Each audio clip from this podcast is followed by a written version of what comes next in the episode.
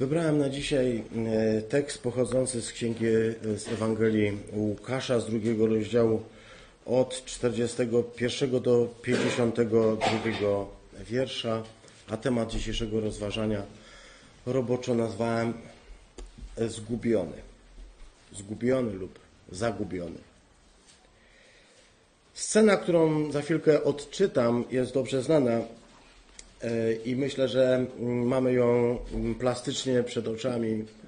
E, często, bo jest to scena opisująca e, dwunastoletniego Jezusa w świątyni i jego zagubienie. Ale po znanym słowie też możemy spodziewać się czegoś zaskakującego. Wiele razy tego doświadczyliśmy. Jeśli teraz jesteś w stanie otworzyć swoje serce i nie pomyśleć sobie, a już na ten temat też Wiem wszystko, jeśli jesteś w stanie otworzyć swoje serce i wsłuchać się w Słowo, to wierzę, że to Słowo może przemienić dzisiaj Twoje, moje, nasze serce, wyobraźnię, zmienić nasz sposób myślenia, czyli spowodować nasze nawrócenie.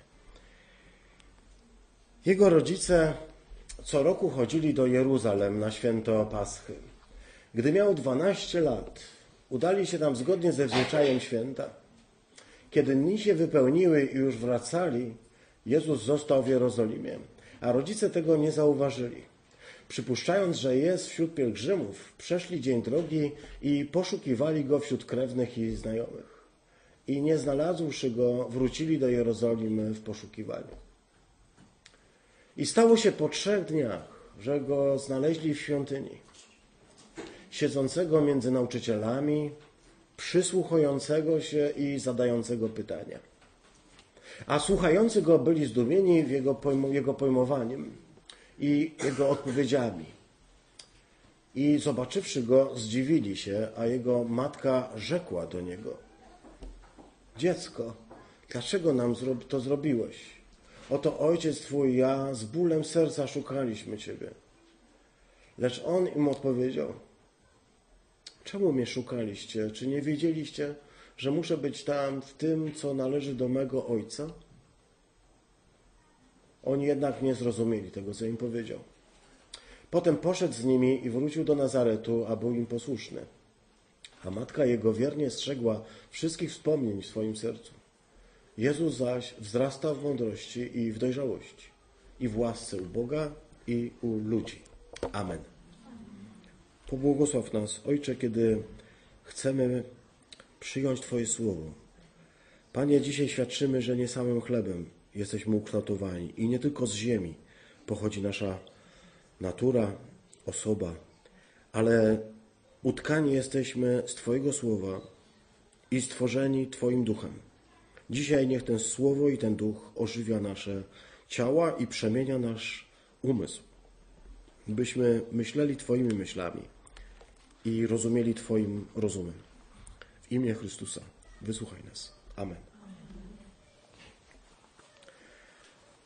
Jest e, w tym tekście e, dużo tematów, które mogłyby być powodem do, myślę, takiego szerokiego, cyklicznego rozważania. Tekst ten należy do okresu z życia Jezusa, który określa się mianem ukryte lata. Prawda? Wiemy o tym, mówią nam ewangeliści Mateusz i Łukasz, y, jakie wydarzenia y, towarzyszyły narodzeniu Jezusa. Potem wprowadza nas ewangelista Marek czy Jan od razu e, w ten bardzo dojrzały akt chrztu, który został dokonany, przypomnę, nie gdy Jezus się urodził, ale gdy miał 30 lat. Podjął tę decyzję, gdy miał 30 lat. Ale pomiędzy tym narodzeniem a 30, jego 30 rokiem życia, czyli całym pokoleniem, upłynęło całe pokolenie. E, praktycznie nie wiemy, co się z nim działo, i tutaj nagle takie małe światełko, troszkę jak rozbłysk meteorytu na ciemnym niebie. Takie małe światełeczko, przez moment tylko możemy uchwycić krótki dialog, jedno wydarzenie. To wydarzenie pozwala nam zorientować się po pierwsze w tym, że Jezus żył w Nazarecie przez te 30 lat. Są oczywiście teorie głupawe, przepraszam za wyrażenie, ale mówię to teraz już trochę nie jako pastor, ale jako badacz. E, teorie, które mówią o tym, że Jezus spędził te lata w Tybecie albo jeszcze gdzie indziej.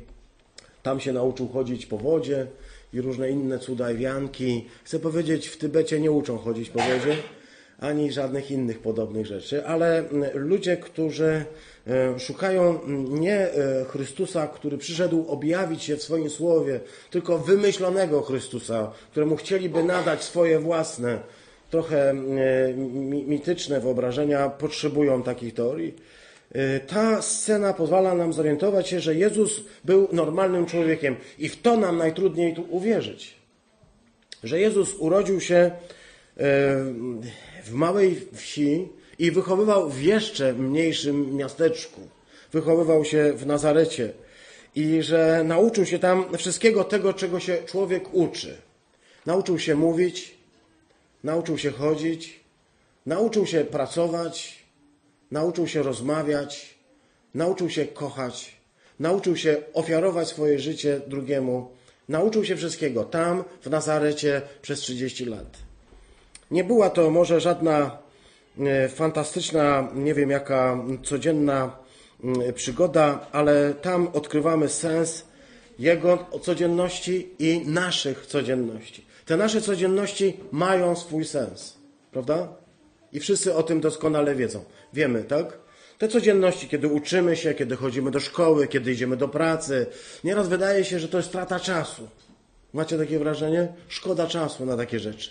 A jednak w tych rzeczach odkrywamy w tej codzienności tego, e, który nas umiłował, bo w tych codziennościach odkrywamy w ciszy domu i w pracy i w kontaktach z ludźmi odkrywamy Pana Boga.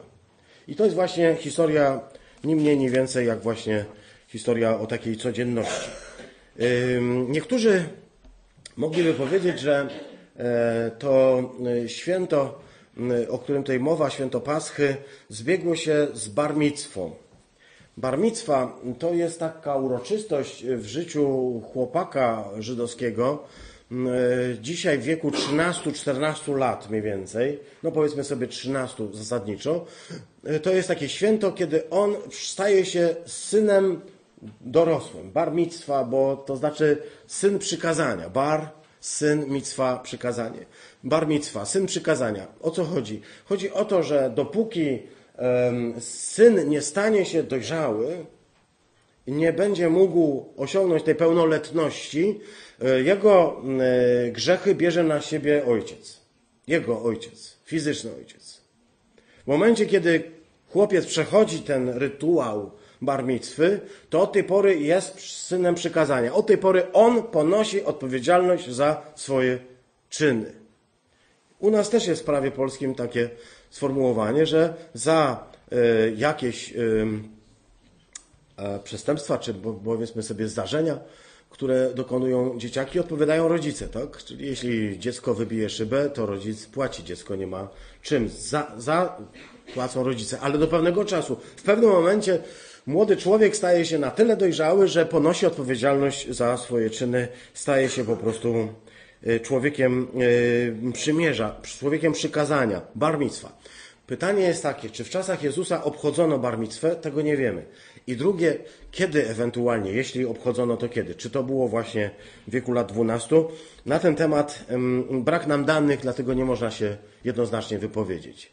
Jeśli, tak jak dzisiaj, Y, to znaczy, że to jest opis wydarzenia przed tą, tym rytuałem, czy w ogóle był. Y, nie zastanawiamy się dalej. Wejście w dojrzałość. Y, dzisiaj mm, taką dojrzałość opisuje się w wieku lat 16 dla, dla dziecka, pełną odpowiedzialność i dojrzałość prawną w wieku lat 18, prawda? Dzisiaj więc Basiu jeszcze raz wszystkiego najlepszego, bo właśnie stała się dojrzałą dojrzałą osobą zdolną nie tylko do tego, by nosić dowód osobisty, ale też, żeby ponosić odpowiedzialność. Dojrzałość, dojrzałość to wolność, tak? Jestem wolny. To jest to, za czym tęskniliśmy, gdy byliśmy dziećmi. Za wolnością.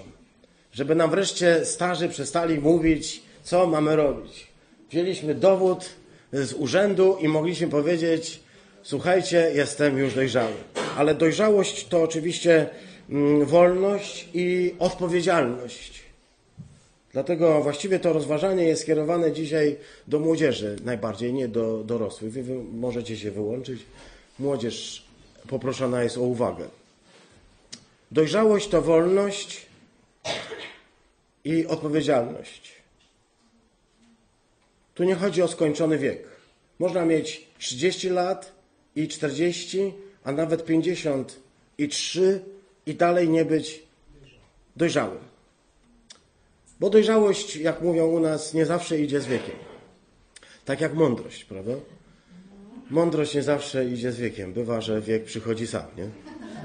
Po prostu masz 50 kilka lat i nagle stwierdzasz, że mm, cóż, wszystko co masz to owe 53 lata.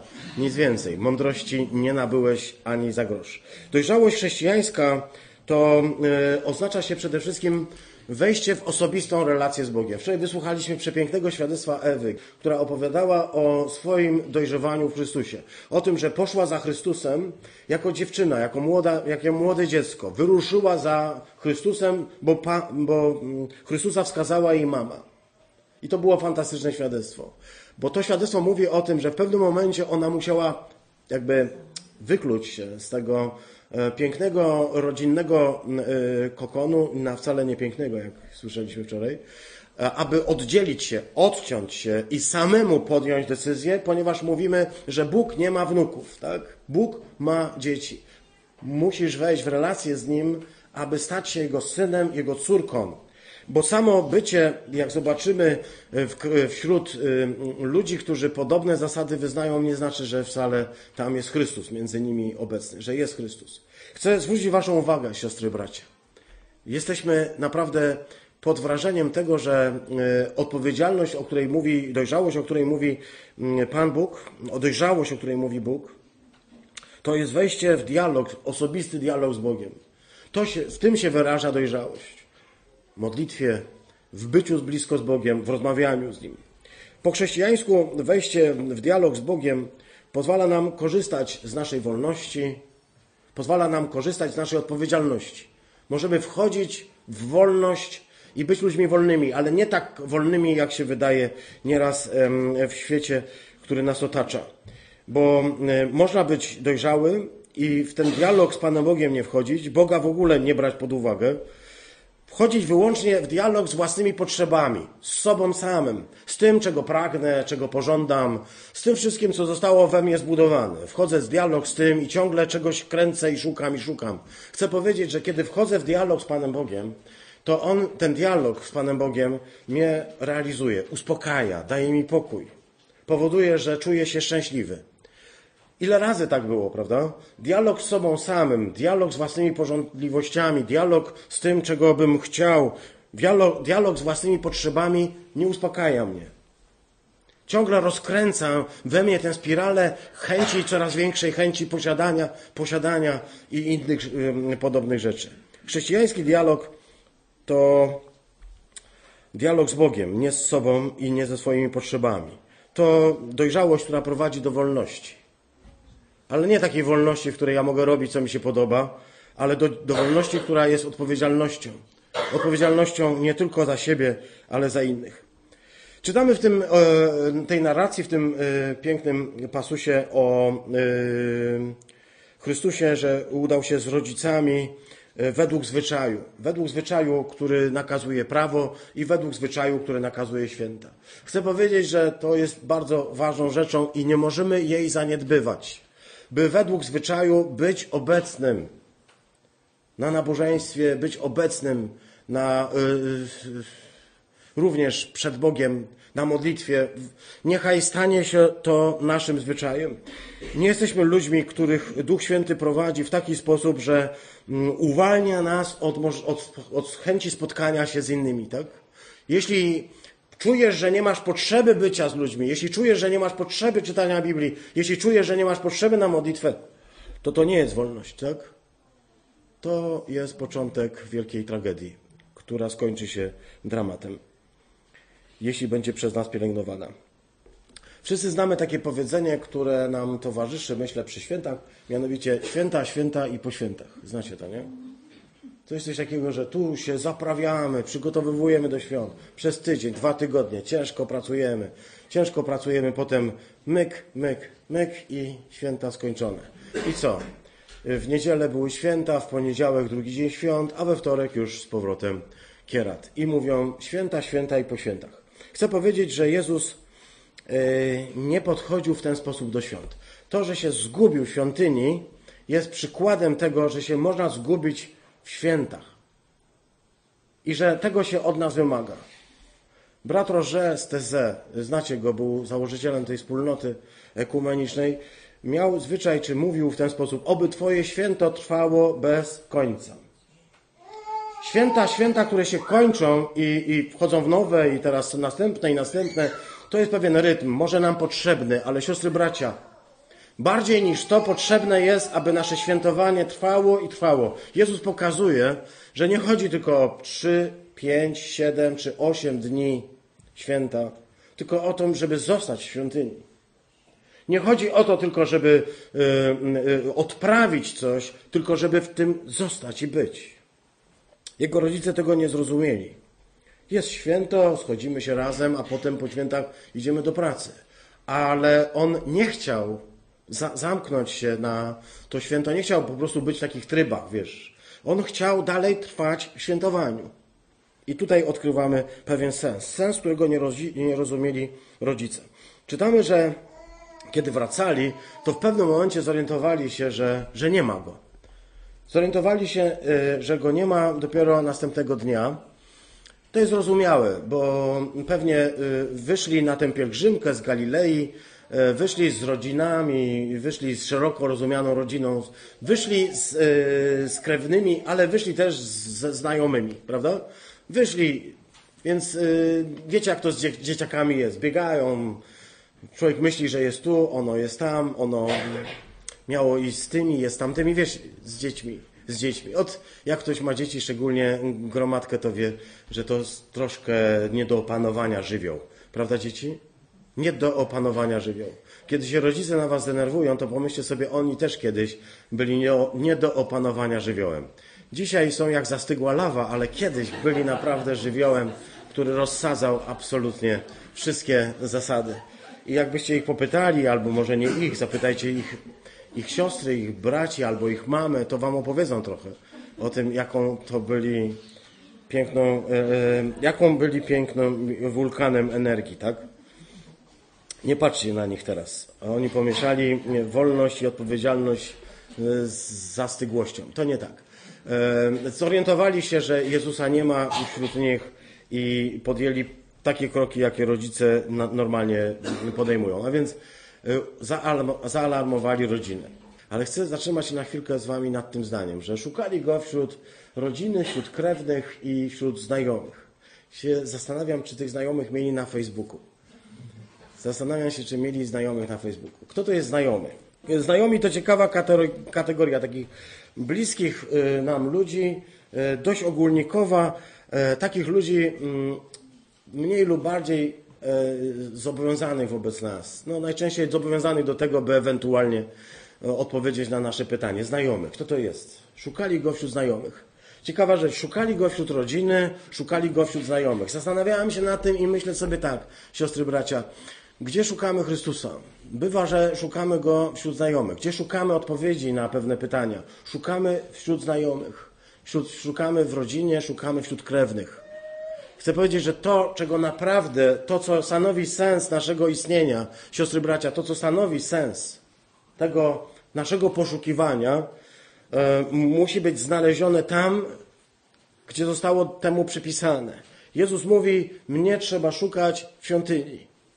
I kiedy tak mówimy, nie oznacza nam tutaj jakiegoś kościoła, tego kościoła, czy innego kościoła, podobnego tej czy innej świątyni. To nie o taką świątynię chodzi. Kiedy mówimy szukajmy Pana Boga w świątyni, to mamy na myśli przede wszystkim świątynię, którą jest wspólnota, świątynię, którą On tworzy ze swojego ciała i świątynię, którą jest komora modlitewna. To są miejsca, gdzie można spotkać Pana Boga.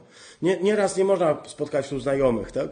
Mówiła o tym też wczoraj Ewa ładnie, mianowicie mówiła, że mm, kiedy była ze znajomymi, musiała się zachowywać tak jak oni, bo nie miała siły im się przeciwstawić. Nie miała siły wewnętrznej powiedzieć, że nie podoba jej się te zwyczaje, to co tam oni robią. I mogło się to toczyć latami. I wiem, że wielu ludzi ma ten problem, że nie umieją się sprzeciwić temu, co narzuca nam grono znajomych. Grono znajomych, jakaś, inna e, spokrewniona grupa ludzi, która narzuca nam pewien obraz, jaki musimy się posługiwać. I my nie możemy się z niego wyzwolić. Dzisiaj ten tekst mówi nam, że tam nie ma Chrystusa. On może tam być, ale wcale nie musi, tak? Jeśli nie, nie ma go tam, szukamy dalej i szukamy głębiej. Nie wiem, jaką metodę przyjęli rodzice w poszukiwaniu tego zagubionego. To na pewno była najprostsza z możliwych, tak? Chodzili po znajomych, chodzili po znajomych, pytali się przychodniów, tak jak zrobiłby każdy rodzic, który nagle dowiaduje się, że mu dziecko zaginęło, prawda?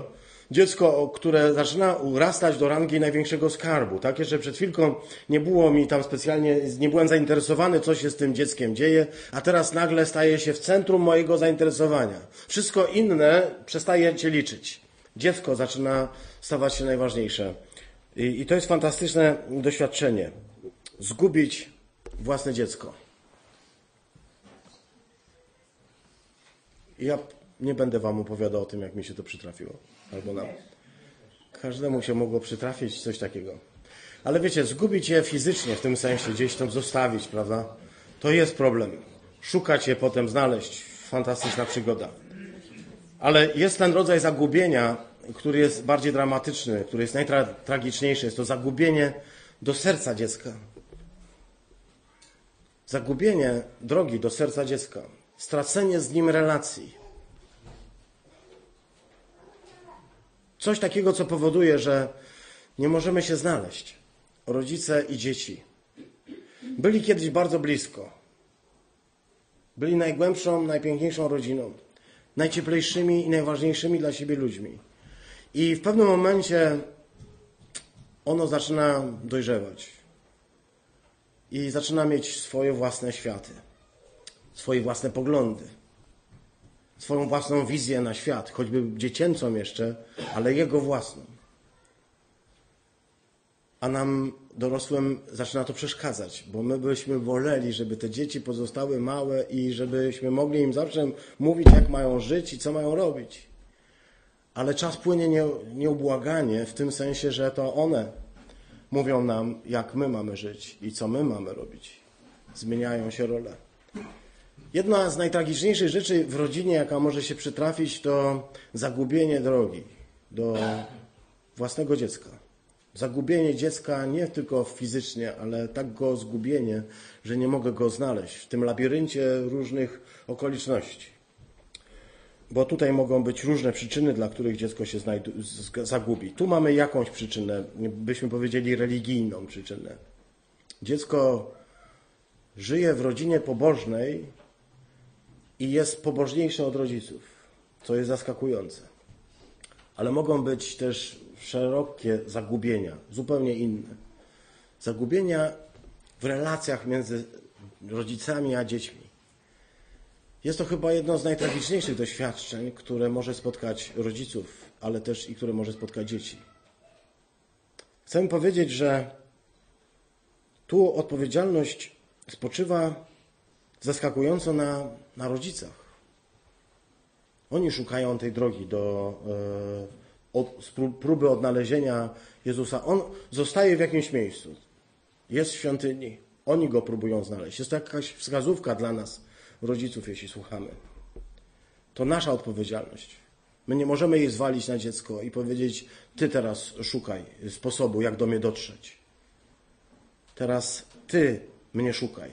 Oczywiście mogą zaistnieć różne okoliczności. I y, życie jest tak bogate, że możemy niestety i również w tej kwestii y, spotkać y, z różnymi doświadczeniami, ale chcę powiedzieć, to jest w pierwszej kolejności odpowiedzialność, która spada na nas, dorosłych, nie tylko rodziców, także bliskich. Mamy obowiązek troszczyć się o nasze dzieci, wnuki, o naszych bliskich, o tych mniejszych. Mamy obowiązek y, zadbania o to, by oni się nie pogubili. By nam się dzieciaczki nie pogubiły. Mamy obowiązek o to zadbać, siostry bracia. To jest nasza odpowiedzialność, jaką mamy przed Bogiem i przed nimi. Mamy obowiązek dbać o naszych bliskich. I to jest e, absolutnie doskonały przykład.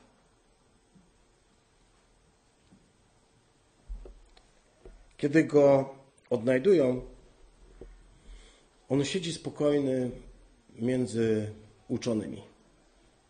Ta scena y, jest y, zaskakująca. Stało się po trzech dniach, że go znaleźli w świątyni, siedzącego między nauczycielami, przysłuchującego się i zadającego pytania. Jeśli on się przysłuchiwał i zadawał pytania, to dlaczego dalej jest napisane, że zdumiewali się nad jego pojmowaniem? Tutaj to słowo pojmowanie może być rozumiane jako roztropność, błyskotliwość. Chodzi o zrozumienie, nad jego zrozumieniem.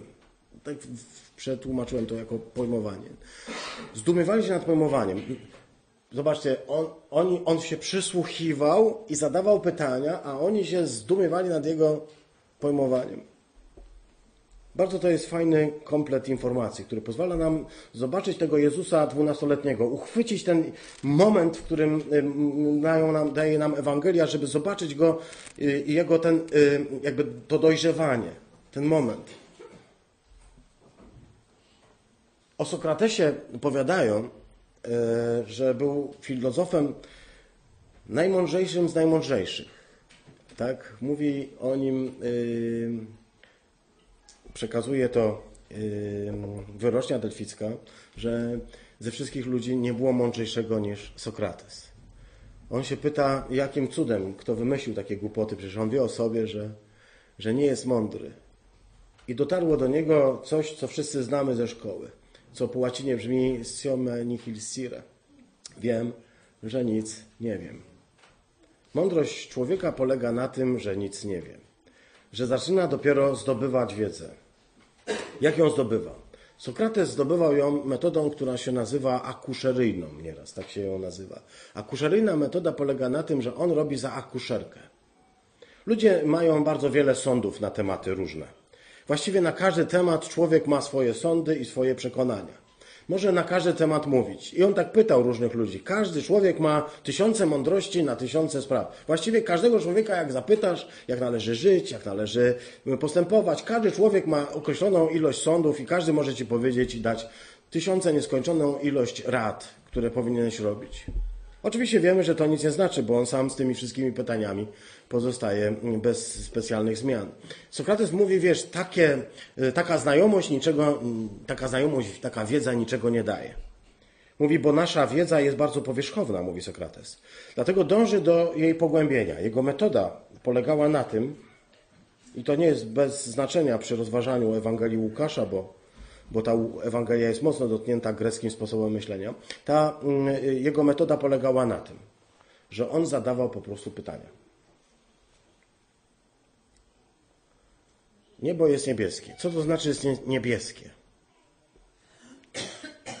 Będzie szedł dalej i dalej, zadawał pytania, aż dojdzie do spraw fundamentalnych. I okaże się, że e, nasze wyobrażenia muszą ulec zmianie muszą zostać przemienione. I tutaj odkrywamy coś takiego w Chrystusie. Ich, tych jego rozmówców, najbardziej zachwycały jego pytania. Pytania, które stawiał. I chcę powiedzieć, że e, on je stawiał i stawia. Te pytania Chrystus stawia w moim życiu. Chcę się zapytać, czy je słyszę. Czy je słyszysz? Bo na każdy temat my mamy wiele do powiedzenia. Ale on nam zadaje pytanie. Pamiętacie Księgę Hioba? Ona pod koniec ma taką serię o, o dużej ilości pytań. Pytań. Bóg mówi tak, to teraz Hiobie ja ci postawię i ja ci zadam pytania. Kto związał przepaskę Oriona? Pyta. Ja ci zadam pytania i zadaję mu pytanie za pytaniem, pytanie za pytaniem, które mogą zmienić nasz sposób myślenia. Jeśli tylko zechcemy odpowiedzialnie do tego podejść, w tym sensie, że zacznę się nad tym zastanawiać. Jeżeli to nie będzie tak, że mi to jest tak naprawdę obojętne, on zadaje pytanie, ja coś odpowiadam. Oni zauważyli, że mają do czynienia z kimś szczególnym, ponieważ ktoś szczególny umie zadać pytanie. Zadawać pytanie. Sztuka. Zadawać pytanie I jeszcze coś jednego. Przysłuchiwanie się. To są te cechy, które charakteryzują Chrystusa. Przysłuchuje się i zadaje pytanie. Dwunastoletni, trzydziestoletni. Jezus Chrystus dzisiaj przysłuchuje się i zadaje pytania. Wiesz, że On dalej tak czyni? Wiesz, że On dalej taki jest? Że kiedy się modlisz, to On się przysłuchuje. Ale On się wsłuchuje nie tylko w brzmienie Twoich słów. On wsłuchuje się nie tylko w to, co Ty mówisz, ale On się wsłuchuje także w to, co jest prawdziwą przyczyną, dla której otwierasz usta. On słyszy głębiej niż tylko to, co Ty chcesz powiedzieć. On jest bliższy nam niż my sami sobie, powie święty Augustyn. Bliższy nam, bo ma tę zdolność, której każdemu z nas brakuje, albo przynajmniej wielu z nas w tym nie domaga. Ma zdolność do wsłuchiwania się. Ma czas, by usiąść i posłuchać. Przecież kiedy się zbieramy na modlitwie, to mówimy do Niego i mówimy, i każdy z nas mówi. I wierzymy, że On stoi i słucha. Każdego z nas słucha. Ma czas na to, by słuchać. Wiecie, królowie, prezydenci, premierzy, ministrowie, burmistrzowie i pastorzy. Wszyscy są bardzo zajęci.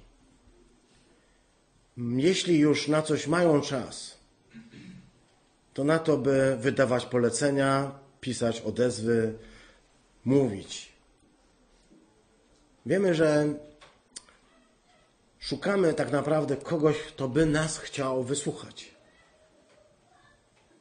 Kto, kogoś, kto by mógł odpowiedzieć na te pytania, i ten ktoś odpowiada pytaniami, bo to Żyd. Taka jest ich e, natura. Czemu wy Żydzi odpowiadacie pytaniem na pytanie? A dlaczego nie? Odpowiadam. Słuchający go zdumiewali się nad e, pojmowaniem, nad odpowiedziami, które się rodzą z tych pytań. Zawsze mnie to zdumiewało. I myślę sobie, siostry, bracia, że to byli jego pierwsi słuchacze, jak czytamy, którzy byli zafascynowani tym Chrystusem. Zobaczcie, chcę się zapytać Was, czy nam to minęło? Czy my nie przestaliśmy zachwycać się, zdumiewać się Jego pojmowaniem i Jego odpowiedziami? Czy nas to przez cały czas nie zachwyca? Nie zachwycają Jego odpowiedzi i nie zachwyca Jego pojmowanie, Jego zrozumienie. On rozumie znacznie głębiej niż ktokolwiek z ludzi. On rozumie to, co jest przyczyną naszych stanów. On rozumie jakby samo jestestwo, które w środku nas woła, bo On dociera do źródła w nas. On jedyny. Żaden obrońca, siostry bracia, w najbardziej e, e, spektakularny i najbardziej utalentowany, nie jest w stanie wybronić nas przed sądem za nasze zbrodnie. A Jezus Chrystus może to uczynić. Bo On rozumie samą istotę rzeczy. I dlatego możemy się nieustannie zdumiewać. Ludzie mówią, czemu ciągle śpiewacie o tym Chrystusie, śpiewacie, modlicie się, śpiewacie. Powiem, wypływa to ze zdumienia. Nieustannie zdumiewamy się, jesteśmy zdumieni tym, ile On rozumie. Jak bardzo nas rozumie, jak bardzo nas pojmuje. Jak bardzo rozumie moje serce. Nikt tak nie rozumie jak On. Nikogo z ludzi, nawet z najbliższych i najbardziej jakby przyjacielskich przyjaciół, nikt nie zrozumie ludzkiego serca tak bardzo jak On. I dzisiaj stoimy oniemieli, zdumieni tym, co potrafi Chrystus. Tam nie ma żadnych sądów, tam nie ma żadnego przemądrzania się, tam jest wsłuchiwanie się, zrozumienie i tam są pytania, które człowiek musi sobie postawić. Pytania fundamentalne. Na to wchodzą rodzice. Oni zawsze wchodzą w nieodpowiednim momencie i zadają niewłaściwe pytania. Wyobraźmy sobie taką sytuację. Siedzimy tu razem, między nami Chrystus. On zadaje pytania, oni rozmawiają, pobożni Żydzi. Wszystko się toczy. Oni są zdumieni tym, co on, jak, jakie on ma pojęcie, rozumienie. Y, on zdobywa autorytet wśród nich. Na co wchodzą rodzice mówią, dziecko, co ty nam zrobiłeś, ludzie kochani. I czar prysł. Ten młodzieniec okazało się, że zwiał z domu po prostu. A tak wydawał się rozgarnięty, miły, sympatyczny. Uciekł, zostawił rodziców. Wymówki. Czy dziwimy się jego matce, jego ojcu, że takimi zdaniami mm, jakby rozpoczynają? Dziecko, dlaczego nam to zrobiłeś? To jest zdanie każdej matki. Każda matka tak powie, ale każdy ojciec, który y, umiera ze strachu o dziecko, który potem, kiedy je zobaczy, to nie, nie wie, czy się cieszyć, czy krzyczeć. Cieszyć się, czy krzyczeć. Miałeś coś takiego? Chciałeś cieszyć się, ale myślisz sobie, jak się ucieszysz, to gówniarz sobie jeszcze pomyśli, że y, ty go szukałeś w ogóle jakoś takie szczególne dla ciebie, ważne, tak? Więc y, musisz nakrzyczeć. Ale krzycząc myślisz sobie, to wszystko jest nieważne, najważniejsze, że jest, że się znalazł, że, że, że jest zdrowy, że ma wszystko całe, że wpadł pod pociąg, ale wyszedł z tego całe. Łączą się w nas te rzeczy, prawda?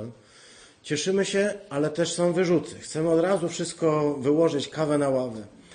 Nie wiem, jak to jest. Dlaczego dominuje te, dominują te wyrzuty? Dlaczego nam to zrobiłeś? Ojciec Twój i ja z bólem serca Ciebie szukaliśmy. I on jest zaskoczony. Wiecie, są mm, przemądrzałe bachory. I może tak by to nieraz wyglądało, że to jest po prostu ktoś, kto jest dość przemądrzały.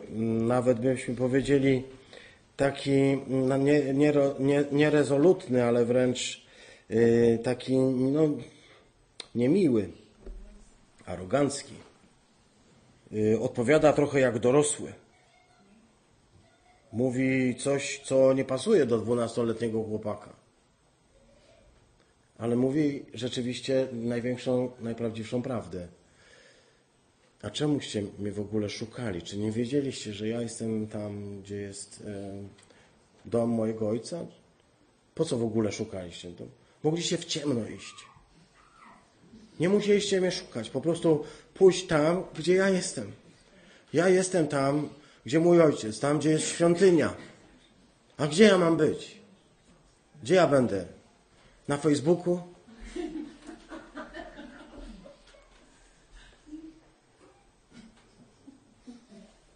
Wy mówicie, że święto ma 8 dni. Dla mnie za krótko. Moje trwało 11 dni. Chciałbym tutaj dalej zostać. To jest prawdziwe świętowanie chrześcijanina. Nie święto, święto i po świętach i już się wchodzimy w inny tryb, ale pozostańmy w tym świętowaniu. Jezus mówi, gdzie ja mam być? Gdzie ja mogę być, siostry, bracia? Gdzie mnie możecie znaleźć? Jak nie tam, gdzie jest dom mojego Ojca. Dzisiaj to świątynia, którą nie jest ten czy tamten budynek, konkretnie ta czy tamta wspólnota, ale którą jest ciało Chrystusa. Ciało Chrystusa, które się zbiera na słuchanie słowa, na spotkanie ze Zbawicielem. Ciało Chrystusa, które może mieć różne szyldy, różne tytuły, różne nazwy, ale które żyje w nieustannej relacji z Bogiem. To jest ciało Chrystusa i świątynia Ojca. Świątynia wypełniona Duchem Świętym. Może zaskakiwać to, że on nie przeprosił. Może zaskakiwać. Nie powiedział przepraszam. Uczymy dzieci grzecznie. Powiedz, przepraszam, narozrabiałeś? Przeproś. Dobrze, że tak uczymy. Jezus przełamuje pewne rzeczy. On nie jest e, zwykłym, normalnym dzieckiem. On jest synem Bożym. Synem samego Ojca. To jest ktoś wyjątkowy, szczególny, jedyny.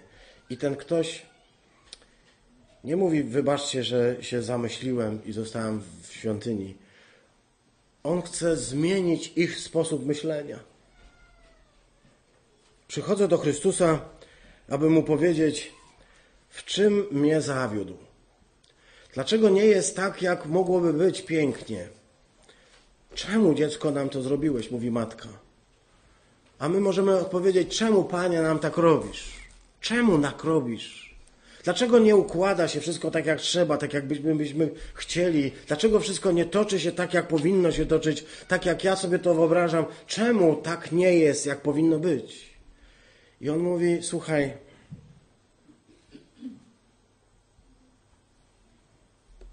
mam pytanie. Czemu mnie szukaliście? To jest pierwsze pytanie. Czemu mnie szukaliście? Do czego jestem Wam potrzebny? Tak? Po co jestem? Jaka jest prawdziwa przyczyna tego, że mnie szukaliście? To taka, że jestem Waszym synem i powinniście się i troszczycie się o mnie. Ja już będę dorosły, już jestem dorosły, już mam barmictwę i już ponoszę sam odpowiedzialność za siebie. Czemu mnie szukaliście? To są te pytania, które stawia. Pytania, które powodowały zdumienie. Czy nie wiedzieliście, znowu pytanie, pytania, pytania, pytania, czy nie wiedzieliście, że powinienem być tam? Czy wy nie rozumiecie? Czy jesteście gotowi zmienić swój sposób myślenia? Czy jesteście gotowi zmienić go? Czy jesteś gotowa, Mario, Józefie, zmienić swój sposób myślenia o mnie? Nie jestem już małym dzieckiem. Jezus nie jest już małym dzieckiem. I w moim i w Twoim życiu Jezus nie jest małym dzieckiem. Jest dorosłym mężczyzną, który jest cudownym doradcą i który potrafi powiedzieć Ci i doradzić jak nikt na tym świecie. Dlatego stawia Ci pytanie, czy jeszcze nie wiecie, że muszę być? Ja muszę być. Tam jest użyte to dei, które oznacza zawsze y, to, tą taką zbawczą potrzebę. Nie ja powinienem być, tylko muszę być. Mnie przymusza do tego mój ojciec. Mnie przymusza do tego duch, żebym był tam, gdzie są sprawy mojego ojca. Ja muszę tam być, nigdzie indziej. Jeśli szukamy go gdzie indziej, zawsze będzie to problem. Szukajmy go tam, gdzie on musi być. W sprawach i w dziełach jego ojca. Stawia te pytania, które dzisiaj niechaj zostaną pośrodku nas. Pytanie o to, czemu szukam Chrystusa. Czy nie szukam go aby był dla mnie sprawcą y, miłych, przyjemnych rzeczy? Czy nie szukam go po to, żeby mi sprawiał przyjemności? Czy nie szukam go jako sposobu na życie lepsze, zdrowsze, piękniejsze, y, może także bogatsze? Że, czy nie szukam go dla siebie, tylko szukam go dla niego? Rozumiesz? Bo może szukać go dla siebie. Chrystus dla Ciebie, taki, który będzie sprawiał Ci przyjemności i uzdrawiał i pomagał. Ale czy szukasz Go ze względu na Niego? Czy On Cię interesuje? Czy interesuje Cię wyłącznie to, żebyś Ty był szczęśliwszy, zdrowszy, piękniejszy? Szukam Go dla Niego, czy szukam Go dla siebie? Czemu mnie szukacie? I czemu szukacie mnie nie tam, gdzie trzeba? Szukajcie mnie tam, gdzie trzeba, bo wtedy tylko możecie stać się naprawdę szczęśliwi. I to głosimy. Naprawdę szczęśliwym jest człowiek, który jest blisko Pana Boga. Ale tutaj e, czytamy coś zaskakującego na koniec. Oni jednak nie rozumieli tego, co im powiedział. Jeżeli byśmy założyli, że Ewangelia jest napisana dla katechumenów, jak chcą badacze, jeśli Ewangelie są napisane dla ludzi przychodzących dopiero do Kościoła, jeszcze przed chrztem, przygotowujących się, właśnie na bazie Ewangelii przygotowujących się do chrztu, tak wydaje się najbardziej prawdopodobne źródło, dla którego powstały te Ewangelie, które znamy. Jeśli Ewangelie zostały napisane dla katechumenów, dla ludzi, którzy przygotowują się do chrztu, to chcę powiedzieć, że jest tutaj ważny przekaz, bardzo ważny, mianowicie taki, że nie wszystko musisz zrozumieć. Oni nie rozumieli tego, co powiedział. Ale jak reagujemy na to, że czegoś nie rozumiemy? Możemy po prostu uznać z lekceważeniem, że to jest nieważne, albo możemy to zapamiętać. Nie rozumiem. Nie rozumiem, dlaczego tak się dzieje. Nie rozumiem, dlaczego Bóg do mnie tak mówi. Nie rozumiem, dlaczego takie są sytuacje w moim życiu. Ja tego mogę nie rozumieć, ale mogę zrobić coś jeszcze. Mianowicie strzec wiernie wszystkich tych wspomnień, jak jego matka, jak matka Pana, jak Mariam.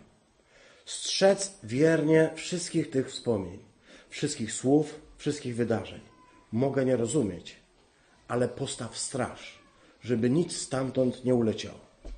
A Jezus dojrzewa w łasce, wzrasta w łasce u Boga i u ludzi. Wierzę w taki postęp, wierzę w progres, wierzę w to, że chrześcijańskie życie jest takim rozwojem. Rozwojem, który ma doprowadzić mnie do pełni łaski, do pełni mądrości, do pełni dojrzałości i że dzieje się to trochę tak, jak tam na kartach Ewangelii, że mogę nie rozumieć, że te pytania mogą mnie deprymować, że nie wszystko do mnie dociera, ale wierzę w to, siostry bracia, że dojdziemy do dojrzałości, do pełnej doskonałości, jaka jest w Chrystusie, jeśli tylko będziemy szukać Jego dla Niego samego. Amen.